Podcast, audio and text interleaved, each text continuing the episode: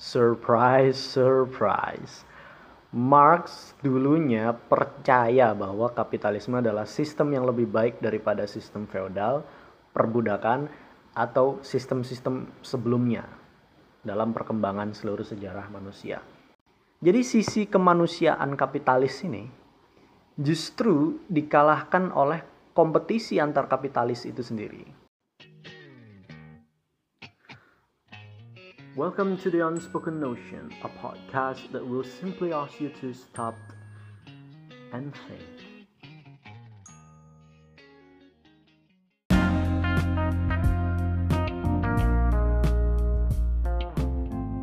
Halo semuanya, thank you so much for joining me today. As you might aware, ini merupakan episode pertama dari podcast Unspoken Notion. Di podcast ini aku bakal membahas buku-buku yang udah aku baca dan mungkin juga aku bakal bahas social issues untuk ke depannya. Well, actually, who knows how it's gonna be. I just love the discussion. Anyway, aku nggak tahu gimana ceritanya kalian bisa sampai di sini dengerin aku tapi di episode pertama ini aku akan bahas sebuah buku yang berjudul Understanding Marxism. Yes, you heard me, Marxisme. Oke, okay, sebelumnya buku yang kita bahas kali ini berjudul Understanding Marxism, ditulis oleh Profesor Richard Wolff, seorang sejarawan ekonomi dari Amerika yang memiliki haluan berpikir Marxis. Ini sebenarnya bukan buku bahkan, di bagian awal dan akhir dituliskan bahwa ini sebenarnya esai yang dibagi menjadi enam bagian. Terus dikasih desain sampul dan sebagainya layaknya sebuah buku. Tentunya tipis banget. Buku ini bisa aja dibaca oleh siapa pun. Latar belakang apa aja aku juga ngerekomen buku ini khususnya untuk kamu yang lagi ngambil jurusan sosial politik ekonomi. Ditulis dalam bahasa Inggris yang sebenarnya gampang banget buat dimengerti Buku ini jadi pengantar wajib bagi siapa pun yang mau mempelajari filsafat ekonomi politik Marxisme. Oke, okay, so without further ado, ayo kita bahas apa yang disampaikan oleh Profesor Wolf dalam bukunya. Kita semua mungkin udah pernah mendengar kata kapitalisme ya. Pada dasarnya kapitalisme itu adalah ideologi ekonomi. Oke okay, oke, okay, aku aku nggak mau pakai bahasa yang susah-susah dulu ya. Ayo kita coba pelan-pelan. Kapital apa itu kapital? Kalau diartikan ke Indonesia artinya modal. Tapi apa itu modal kan? Pada umumnya modal itu alat yang kamu pakai buat bikin sesuatu untuk kamu jual kembali. Misalnya ya, contoh gampang. Kamu mau ngejual lukisan, pasti kamu butuh kuas, tinta, kanvas lah minimal buat bikin satu lukisan. Alat-alat yang kamu pakai inilah namanya modal. Modal itu nggak bisa disamakan dengan uang gitu ya. Nggak bisa sama persis dengan uang. Karena dia sebenarnya alat tukar. Uang itu alat tukar. Tapi bisa kamu buat beli modal. So that's the difference. Ada juga yang bilang skill itu juga modal. Ya sumber daya manusia lah gampangnya. Ada juga yang nambahin kalau orang yang kamu kenal itu juga modal. Ya bahasa kerennya networking. Tapi di sini kita pakai pengertian yang gampang dulu ya. Modal sebagai alat buat bikin sesuatu And then pengertian modal tadi dikasih isme di belakangnya. Ini nih yang bikin repot. But don't worry, oke okay. Okay. Aku mau coba jelasin dengan sederhana. Pakai cerita lah, pakai cerita. Kamu udah beli alat-alat ngelukis tadi. Terus kamu coba ngelukis kan. Dan habis jadi lukisanmu ya dibilang jelek aja belum. Terus ya kamu patah semangat lah untuk untuk melukis. Aku tidak berbakat. Nah karena alat ngelukisnya nganggur, adik kamu yang mainin lukisannya. Tentu aja izin dulu sama kamu kan. Terus kamu boleh-bolehin aja selama kanvas, cat dan kuasnya masih punya kamu. Oke. Okay.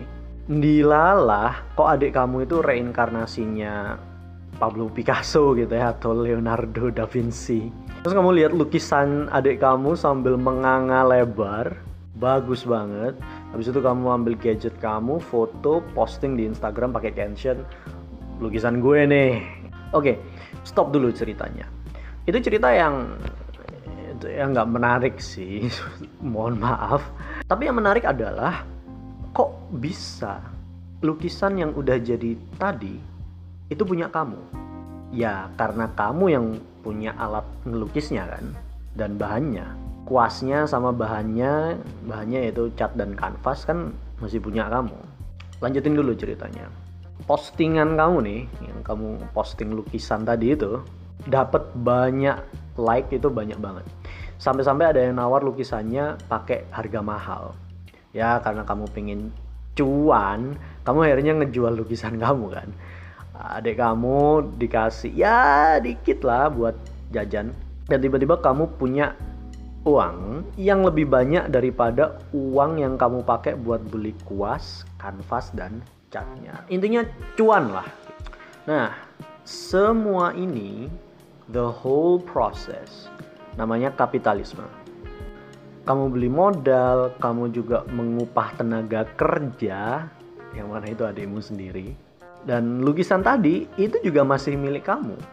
Karena kamu yang punya modal dan bahannya kan. Dan keuntungannya, habis kamu kasih sebagian ke adik kamu, itu juga masih punya kamu. In a nutshell, secara sederhana itulah kapitalisme.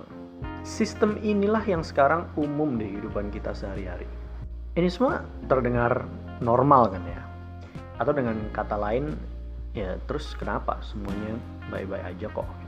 Sampai seorang berjanggut tebal muncul dan bilang tidak semudah itu Ferguson. Nah inilah Marx ini ya orang yang berjanggut tebal ini.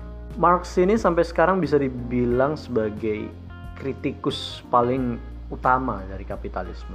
Well, pemikiran Marxnya ya, Marxnya sendiri udah modar. Tapi kenapa sih penting buat mempelajari Marx? Ya, karena kita nggak bisa mempelajari sesuatu hanya dari satu sisi. Bayangin ya, ini ada sebuah keluarga, ada bapak, ibu, anak, dua, you know, standard. Terus kamu mau mempelajari keluarga itu, tapi kamu hanya tanya ke satu anak yang menganggap bahwa keluarga ini adalah keluarga yang paling baik di muka bumi. Tapi kamu nggak nanya nih satu anak lagi, gimana pendapatnya? Padahal si anak ini itu yang merasa sering depresi, diperlakukan tidak adil, merasa tidak diistimewakan dan sebagainya dan sebagainya. Simpelnya adalah kita mesti melihat keduanya kan, pro dan kontra lah gampangnya. Nah, mempelajari Marx yang merupakan kritikus utama dari sistem kapitalisme yang mana kita hidup di dalamnya hari ini. Ini justru melengkapi atau menggenapi pemahaman kita soal kapitalisme. Oke, okay, so let's talk a bit about Karl Marx himself. Marx yang waktu itu masih muda awalnya terinspirasi dengan revolusi Prancis dan Amerika di abad ke-18. Dia pengen masyarakat modern hidup dengan prinsip kebebasan, kesetaraan, persaudaraan seperti di Prancis dan prinsip demokrasi seperti di Amerika. Malahan ya, surprise, surprise. Marx dulunya percaya bahwa kapitalisme adalah sistem yang lebih baik daripada sistem feodal, perbudakan, atau sistem-sistem sebelumnya dalam perkembangan seluruh sejarah manusia sampai akhirnya dia merasa putus cinta, heartbroken dengan kapitalisme. Dia ngelihat orang yang hidupnya makmur di dalam kapitalisme ya, orang yang hidupnya makmur, berpendidikan baik, bisa baca tulis dan punya tempat tinggal yang nyaman, itu cuma sedikit banget, minority.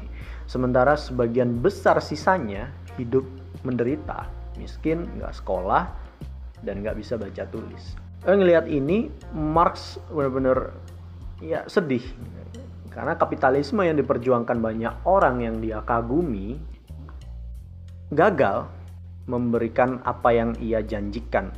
Dan yang lebih parahnya lagi adalah idolanya sendiri yang memperjuangkan ini dan kemudian gagal. Itu double-double ya sakitnya.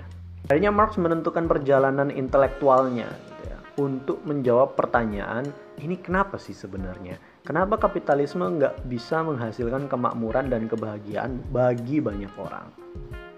Akhirnya Marx melakukan penelitian. Tapi nggak cuma penelitian ya yang sifatnya saat ini dan sekarang, tapi dia juga melakukan penelitian sejarah, terutama sejarah tentang sistem-sistem ekonomi masyarakat yang dulu pernah ada hingga di masanya gitu ibaratnya. Marx kemudian menemukan dua fase penting dalam sejarah perkembangan manusia, yaitu perbudakan dan feodalisme. Aku bakal bahas yang perbudakan dulu. Di masa masih ada budak, yaitu orang itu bisa dimiliki oleh orang lain, masyarakat itu dibagi menjadi dua, tuan dan budak. Tuan ini orang yang punya semuanya, kekayaan, kekuasaan, dan dominasi kebudayaan itu ada di tangan tuan gitu ya.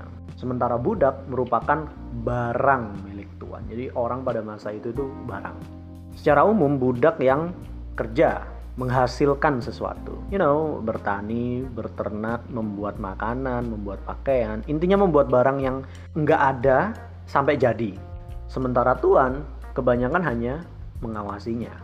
Dan tentu saja kekuasaan politik dan pemerintahan yang ada itu ada di tangan-tangan tuan-tuan ini yang memiliki budak ini. Akhirnya apa? Ya, tuan-tuan ini pasti ingin mempertahankan kekuasaannya kan. Bahkan sampai anak cucu kalau perlu. Nah, gimana dengan budak? Simpelnya gini aja deh. Kalau kamu lahir di masa itu sebagai budak, maka kemungkinan sangat besar kamu dan anak cucumu tetap menjadi budak. Oke, okay, so move forward. Setelah berabad-abad silam, singkat cerita perbudakan ini diganti dengan apa yang disebut dengan feodalisme.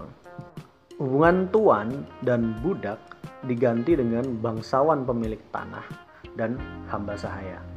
Gampangnya feodalisme ini zaman kerajaan lah ibaratnya gitu. Di mana orang yang berkuasa tuh pasti punya tanah, Sementara hamba sahaya yang nggak berkuasa ini itu harus menggarap tanah dari bangsawan yang punya tanah. Nah biasanya di masa itu pemilik tanah ini bangsawan itu mengawasi tanah yang digarap oleh si hamba sahaya ini. Relasinya hampir sama lah dengan di zaman perbudakan. Oke, singkat cerita lagi, kemudian setelah berabad-abad silam, lahirlah kapitalisme dengan semangat tidak boleh ada manusia yang dimiliki oleh manusia lain. Semua harus bebas dan setara. Nah, di sini nih. Tapi Marx bilang kalau kapitalisme justru tetap melanggengkan apa yang dia sebut dengan eksploitasi. Persis sama seperti di sistem perbudakan dan feodal. Dan well, kita sekarang di tahun 2021 kapitalisme ada di mana-mana. Tapi tetap ada yang namanya eksploitasi. Apa itu eksploitasi? Coba pelan-pelan kita pikirin. Kenapa kok Marx bilang bahwa ini nih dunia nih tahun 2021 itu masih sama relasinya dengan zaman feodal dan zaman perbudakan. Kok bisa? Coba kita pikirin ya. Satu, di zaman perbudakan, budak tuh bikin barang, gandum misal atau padi lah. Kemudian seluruh padi ini itu menjadi milik tuannya langsung, 100% langsung jadi milik tuannya. Kok bisa jadi milik tuannya? Ya karena budaknya sendiri itu kan punyanya orang, sehingga apa yang dihasilkan sama budak itu juga jadi punyanya orang yang memiliki budak itu. Terus apa yang dihasilkan sama budak itu? Well, apa pun yang dihasilkan sama budak itu, kapan dihasilkan sama budak dan gimana cara menghasilkannya, kemudian berapa yang harus diproduksi dan berapa yang dikembalikan lagi ke budak biar nih budak tetap hidup itu ditentukan sama tuannya. Misal uh, budak ngasilin padi 5 ton. Tuannya ini itu langsung punya nih, langsung diambil nih 5 ton padi ini kemudian sebagian ya berapa kilo lah ya beras raskin mungkin itu dikasihkan lagi ke budak ini biar budaknya bisa makan biar apa bisa menghasilkan padi 5 ton lagi oke simpelnya kayak gitu lanjut yang kedua Di zaman feodal, si hamba sahaya ini dikasih sebidang tanah, tetapi sebagian besar hasil produksi dari tanah garapan hamba saya ini menjadi milik bangsawan. Misal ada sebidang tanah ya, 90% dari luas tanah itu hasilnya itu jadi milik bangsawan yang punya tanah itu tadi. Karena apa? Karena mereka yang punya tanah. Cara ngambilnya itu bisa macem-macem caranya yang paling umum pada masa itu itu namanya rent atau pajak atau upeti. Oke, nah dari dua ilustrasi yang aku jelasin barusan, kita bisa lihat dua hal yang sama. Budak dan hamba sahaya bekerja dan menghasilkan barang yang mereka konsumsi sendiri. Kerja dan barang yang mereka hasilkan untuk mereka konsumsi sendiri ini namanya disebut Marx sebagai kerja perlu. Mungkin mau catat itu dikit. Kerja perlu. Dikatakan perlu karena tiap orang butuh barang untuk melanjutkan hidupnya kan. Makanan, pakaian minimal. Di sisi lain, sebagian besar hasil jeripaya budak dan hamba sahaya ini diambil oleh tuan yang punya budak itu atau bangsawan yang punya tanah itu proses kerja untuk menghasilkan barang dan kemudian barangnya ini diambil oleh yang punya budak atau yang punya tanah ini disebut kerja lebih atau disebut dengan surplus value. Oke, mengetahui fakta ini ya, Marx menyebut budak dan hamba ini itu punya kesamaan mereka sama-sama tereksploitasi. Kenapa? Karena ada orang lain yang mengambil hasil kerja mereka. Bahkan sebagian besar dari hasil kerja mereka. Banyak lagi yang diambil. Oke, okay. so dua hal itu tadi ya. Sama-sama tereksploitasi, sama-sama disuruh kerja, hasil kerjanya sama-sama diambil. Banyak lagi. And then, gimana dengan kapitalisme? Think about it. Dua karakteristik yang ada di dalam perbudakan dan feodalisme zaman kerajaan itu tetap ada loh di dalam kapitalisme. Iya, di 2021 itu tetap ada. Dua sistem sebelumnya nih ya. Membagi masyarakat ke dalam dua kelas namanya kalau dalam bahasa Marx. Dua kelompok, dua kategori, ya whatever lah. Zaman perbudakan ada tuan, budak di zaman feodal ada bangsawan yang punya tanah dan hamba yang menggarap tanah. Di kapitalisme ini ada pemberi kerja dan pekerja atau owner dan pekerja atau bos dan kacung. Whatever you want to call it. Dan nggak sampai di situ. Proses atau waktu kerja dari pekerja juga terbagi ke dalam kerja perlu dan kerja lebih. Itu tadi. Oke oke, kita bahas secara gampang aja. Anggaplah kamu dikontrak buat satu pekerjaan gitu. Pakai contoh yang kekinian deh ya, semisal desain desain. Mantep nih, desain. Kamu seorang desainer. Kemudian ada uh, perusahaan, ya anggaplah perusahaan, perusahaan stiker butuh tenaga kamu buat ngedesain stikernya. Kamu kerja di situ buat bikin desain Terus di akhir minggu semua stiker udah kejual. Uang hasil penjualan stiker tadi itu dapatnya dari mana aja? Well, pertama pastinya dari bahan baku kan. Bahan baku buat bikin stiker ada tinta, ada kertas, ada listrik buat komputernya, printernya dan segala macam. Yang kedua, uang yang tadi itu keuntungan tadi itu itu dikasih ke kamu sebagai gaji dan sisanya diambil oleh pemberi kerja kamu kan. Nah, gaji yang kamu dapetin ini adalah kerja perlu.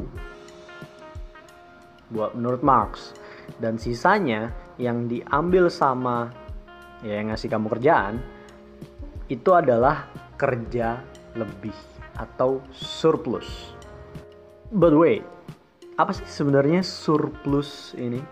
Bayangin kalian ada di masa lalu, yang mana orang-orang hidup berkelompok, dengan cara berburu. Jadi kelompok itu ada kepala suku lah, chief. Cuman dia ikut berburu, dia ikut kerja. Di masyarakat itu ada sebagian yang kerja dan ada sebagian lain yang enggak kerja. Yang kerja harus menghasilkan lebih daripada yang mereka konsumsi sendiri. Maksudnya gimana? Nih, kalau misal di dalam kelompok kalian itu ada yo, 30 orang deh semisal. Terus yang mesti berburu itu ada 10 orang. Nah, 10 orang ini itu makan paling enggak 5 kg daging lah per hari. Terus mereka kan harus menghasilkan minimal 5 kg daging ya per hari, anggaplah ya. Tapi mereka itu harus menghasilkan lebih dari 5 kg daging per hari gitu. Kenapa? Ya untuk memberi makan orang-orang yang nggak kerja di kelompok mereka, di masyarakat mereka. Kenapa? Ya karena ada bayi, ada orang sakit, sampai orang lansia, mungkin orang tua mereka. Nah yang dikasihkan ke mereka inilah yang dikasihin ke bayi, orang sakit, orang tua mereka. Inilah yang disebut surplus, ya kan? Jadi orang-orang yang kuat yang bisa kerja itu menghasilkan untuk diri mereka sendiri dan untuk orang-orang yang nggak kerja. Nah yang dikasih ke orang-orang nggak kerja inilah Marx sebut sebagai surplus atau lebih, lebihannya. Tetapi ada hal yang harus diperhatikan ya dari ilustrasi ini. Di masa sekarang, bukan segelintir orang yang menentukan apa, kapan, dan berapa yang diproduksi. Tapi semua orang yang bekerja ikut menentukan. Maksudnya di zaman dulu, zaman dulu. Jadi kan uh, kepala suku nih gitu kan. Sama kelompok alpha male yang lain atau sigma male yang lain ini ngumpul. Terus kepala suku bilang nih di meeting itu ya oke kita mau masak daging apa? Kita mau berburu daging apa hari ini? Gitu. Berapa yang mesti dibikin? Buat siapa aja? Gitu. Kemudian orang-orang uh, sigma male atau alpha male yang lain kelompok pemburu ini ada yang bilang daging rusa daging babi, daging harimau gitu. Banyak lah mereka bisa ngomong. Kemudian habis diskusi, oke okay, kepala sukunya ambil keputusan dan dia ikut berburu gitu kan, ikut kerja. Jadi kepala suku dan kelompok pemburu yang mana pekerja ini menentukan apa yang mau diproduksi, gimana cara produksinya, berapa banyak dan gimana pendistribusiannya. Siapa aja yang mesti dikasih ini. Kemudian ya ini karena ini cuman pengantar ya. Aku skip-skip waktunya ke uh, ke waktu perbudakan lah gitu. Itu, sebelum perbudakan kayak gitu tuh. Kemudian waktu perbudakan tiba-tiba semuanya berubah. Orang yang jadi pemimpin nggak ikut kerja. Orang-orang yang nggak kerja ini bahkan bisa menentukan apa yang diproduksi, berapa banyak, dan cara membaginya. Banyak orang yang bekerja itu nggak bisa menentukan apa-apa bahkan sering kali terhadap hidupnya sendiri itu mereka nggak bisa menentukan apa-apa. Budak nggak bisa ngomong apa-apa. Let alone mendapatkan apa pun yang mereka inginkan. Nah hal yang sama juga terjadi di masa feodal ya. masa kerajaan. Surplus atau kelebihan produksi itu diambil dari hamba saya melalui pajak itu tadi. Sekarang di era kapitalisme ini proses itu juga tetap terjadi. Namanya aja yang beda. Coba bayangin pas kamu lagi interview kerja terus mulai nego gaji. Akhirnya eh, dapat kesepakatan kalau gaji tiap bulan dapat UMR lah ya. 3 juta lah 3 juta. Terus orang yang ngasih kamu kerja hanya akan mempekerjakan kamu kalau dia percaya bahwa kamu bisa menghasilkan lebih dari 3 juta. Terus sisa lebihnya surplusnya ya diambil sama pemberi kerja kan. Jadi secara ekstrim ya, Marx menyebut mayoritas dari kita ini tuh budak upahan. Yang mana nama kerennya sekarang mungkin ada istilah budak korporat gitu. Sampai sini mungkin bakal ada respon kayak gini. Loh, tapi kan pekerja yang lamar. gitu kan. Artinya pekerja itu bebas dong dan sukarela untuk bekerja. Jadi nggak sama dengan perbudakan. Mereka nggak diperbudak. Yes, apa ya respon yang bagus gitu. Tentu aja ini perdebatan soal teori ekonomi ini itu ratusan tahun aja belum usai. Tapi karena di episode ini lagi bahas Marx, jadi aku akan berhenti sampai respon Marx atas kebebasan tiap-tiap orang. Gimana Marx ngejawab bantahan yang tadi itu? Oke, okay, so buat Marx, kebebasan itu cuma ilusi di bawah kapitalisme. Kita bebas bekerja, mau jadi apa aja, mau jadi desainer, mau jadi singer, mau jadi pelukis itu tadi. Itu kita bebas. Tapi buat Marx itu cuma ilusi. Kenapa? Karena orang itu harus dipenuhi dulu kebutuhannya, baru bisa bebas. Sayangnya, buat banyak orang, cara untuk memenuhi kebutuhan itu adalah menjual tenaga kerja mereka. Sehingga untuk Marx, banyak orang itu bukan sukarela bekerja, menjual tenaga kerja mereka, tapi mereka justru terjebak menjadi buruh upahan. Hal yang berbeda ya. Orang yang mulanya bebas harus menjual kebebasannya. Ya biasanya sih dijual 8 jam per hari dengan gaji UMR per bulan.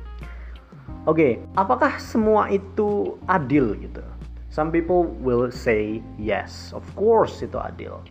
Orang punya uang banyak karena mereka memang pantas mendapatkannya. And of course, some people would say no it's not. Bahkan mungkin mereka akan menyatakan ada ada game kayak gini ya. Dulu budak tidak dikasih upah tapi diberi makan. Sekarang buruh diberi upah yang hanya cukup untuk makan. Apa bedanya? Silahkan dipikirkan sendiri. Anggap aja ini takeaways lah. PR ya setelah dengerin podcast ini. Nah, di dalam kapitalisme ada hal yang nggak mungkin bisa didamaikan. Jadi ada hal yang nggak mungkin bisa dikompromikan. Di satu sisi, pemberi kerja akan selalu mencari cara untuk menurunkan upah pekerja. Loh, kok bisa? Gitu, jahat banget gitu. Ya karena mereka pengen untung, simpelnya. Ya. Mereka pengen untung overtime. Biasanya caranya itu bisa aja dengan menambah waktu kerja, disuruh lembur tapi nggak digaji, atau ya nambah beban kerja gitu ya, ya nambahin stres lah ibaratnya kalau nggak selesai dimarah-marahin akhirnya lembur lembur lagi kan ujungnya. Nah cara lain itu bisa juga dilakukan dengan menggantinya dengan mesin. Gitu. jadi orang diganti dengan mesin biar nggak banyak protes aja. Sementara itu pekerja akan selalu mencari cara agar gajinya meningkat Nah yang satu ingin nurunin gajinya pekerjanya, si pekerjanya pengen gajinya meningkat. Nah ini kan nggak nggak bakal damai ya kan, nggak bakal ketemu nih titik-titik tengahnya. Nah pertentangan inilah yang disebut dengan class struggle atau kalau bahasa Indonesia-nya perjuangan kelas. Oke, tapi gimana dengan pekerja kelas menengah kayak manajer misal gitu kan? kita mungkin familiar ya dengan perbedaan pekerja kerah putih dan pekerja kerah biru atau pekerja terampil dengan pekerja kasar, tukang dan mandor sama-sama pekerja. Si pemilik modal ini ya atau kapitalis tahu bahwa mereka itu juga harus menggaji manajer dan mereka juga harus menggaji mandor. Mereka harus menggaji pengawas. Karena kalau enggak, pekerja yang benar-benar kerja ya, yang benar-benar menghasilkan sesuatu, nggak bakal menghasilkan, mereka bakal menghasilkan semakin sedikit atau mungkin nggak sama sekali. Jadi pemberi kerja ini bakal memperkerjakan siapa aja yang bisa menjaga proses pembuatan surplus berjalan mulus. Misal kamu punya pabrik, nggak mungkin dong kalian bisa ngumpulin ribuan pekerja dan nyuruh mereka kerja secara otomatis. You need someone to watch over them. Ya kan? Harus ada yang mengawasi mereka. Nah, setelah kerjanya selesai, terus mesin-mesin dimatikan, kita nggak bisa percaya gitu aja kan sama buruh-buruh ini ya kan ya kita butuh penjaga biar memastikan bahwa nggak ada yang barang yang dicuri gitu ya kan takut dicuri kan sama pekerjaannya sendiri orang gaji aja pas-pasan kebanyakan miskin sehingga ya bahaya untuk dicuri barang-barang yang mereka bikin. Jadi butuh penjaga untuk memastikan biar barangnya nggak dicuri. Atau ada buruh yang punya masalah psikologis gitu mau bunuh diri. Ya ada bagian HR human relation atau bagian sumber daya manusia buat ngatasinnya buat kasih konseling lah ibaratnya.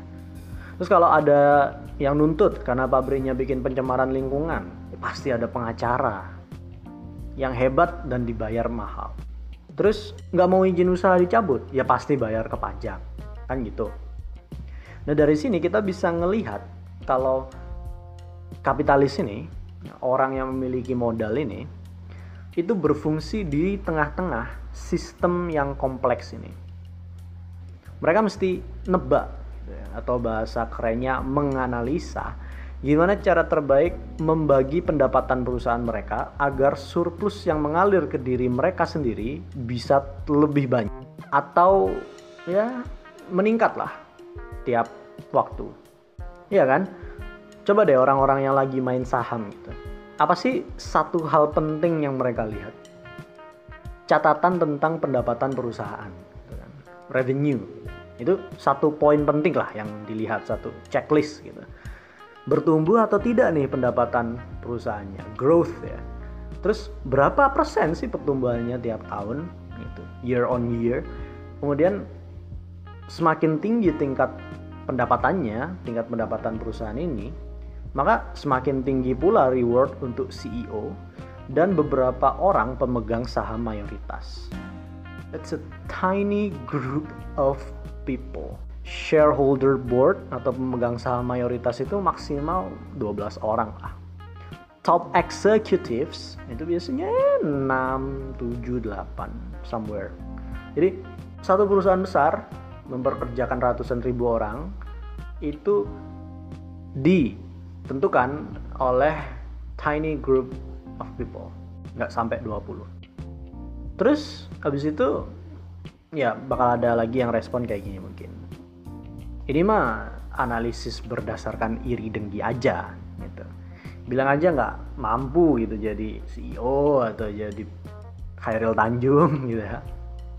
Atau jadi ya nama-nama besar itulah.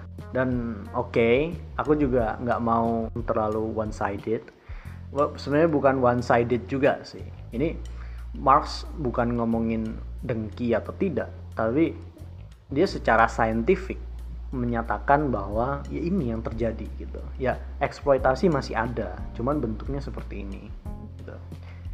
tapi oke okay lah oke okay.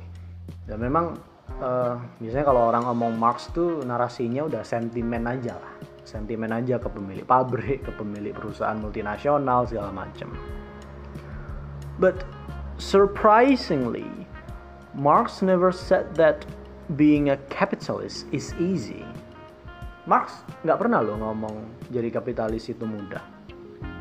In fact, it's quite hard.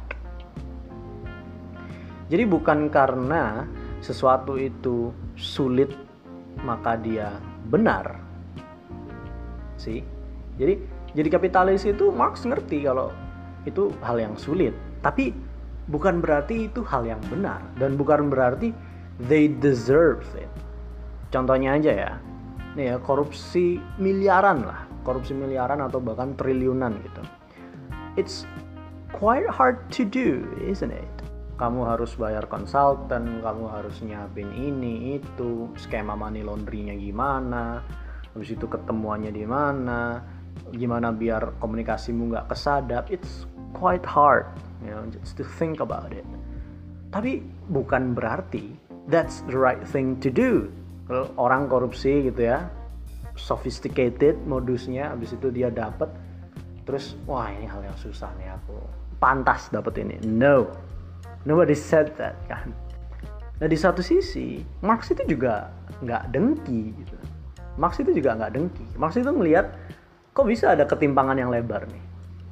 Terus dia meneliti dong. Terus dia jawabannya oh ya kayak ini nih ini yang bikin ketimpangan tuh makin lebar. Ini yang bikin orang miskin tuh makin banyak karena mereka jadi pekerja upahan. Karena sebagian besar dari hasil kerja mereka itu lari ke sedikit orang gitu. Sehingga semakin sedikit orang yang kekayaannya melambung tinggi dan semakin banyak orang yang miskin. Dan Marx nggak dengki. Marx justru sangat bersimpati dengan para kapitalis ini, dengan para pemberi kerja ini ya. Menurutku ini yang nggak, ini yang jarang diekspos bahkan oleh orang-orang yang mendapuk Marxis gitu, orang-orang yang belajar Marxis. Udah sangat antagonis gitu ya mereka melihat. Nah, ini menurutku hal yang harus di-highlight. Gimana ceritanya Marx bersimpati sama pemilik modal? Bayangin kamu punya pabrik yang telah beroperasi selama eh 20 tahun lah cukup lama. Terus ad, pekerjanya ya nggak terlalu banyak mungkin ribuan gitu nggak banyak gonta ganti. Artinya kan kamu cocok dengan pekerja yang kamu hire ini kan? Kamu cocok lah dengan mereka ini. Terus tiba-tiba nih ya ada produk dari Cina yang membanjiri pasaran. Kemudian produkmu tuh kalah bersaing. Terus kamu dihadapkan dengan pilihan mengurangi gaji karyawan kamu, ya kan, dan tetap memperkerjakan mereka, atau mengganti sebagian besar dari mereka dengan mesin. Keduanya itu pilihan yang berat, dan keduanya pasti menyakiti nuranimu sebagai manusia. Jadi, sisi kemanusiaan kapitalis ini justru dikalahkan oleh kompetisi antar kapitalis itu sendiri. Nah, Marx menyebut ini dengan dengan sebutan hukum persaingan yang memaksa atau bahasa kerennya itu coercive law of competition. Di kapitalis sebagai manusia itu terkerangkeng, teraleniasi dan mereka tergantikan oleh karakter yang kita sebut dengan serakah, greed. So, is capitalism fine? Apakah kapitalisme hari ini baik-baik saja? Apakah ekonomi kita hari ini baik-baik saja? Atau ada hal yang sangat penting untuk kita ubah secepatnya? Dan gimana cara ngerubahnya? Well, aku bakal nyimpen itu untuk episode-episode lain. Gak bisa dalam satu episode ini. Well, thank you for joining me today. Until now. So, that's all for today, guys kalian baru baru aja mendengarkan review Understanding Marxism yang ditulis oleh Richard Wolff. Makasih buat semuanya yang udah dengerin sampai sekarang. Kalian bisa mengakses lini masa Unspoken Notion di Facebook, Instagram, atau Twitter. And I hope to be able to meet you again.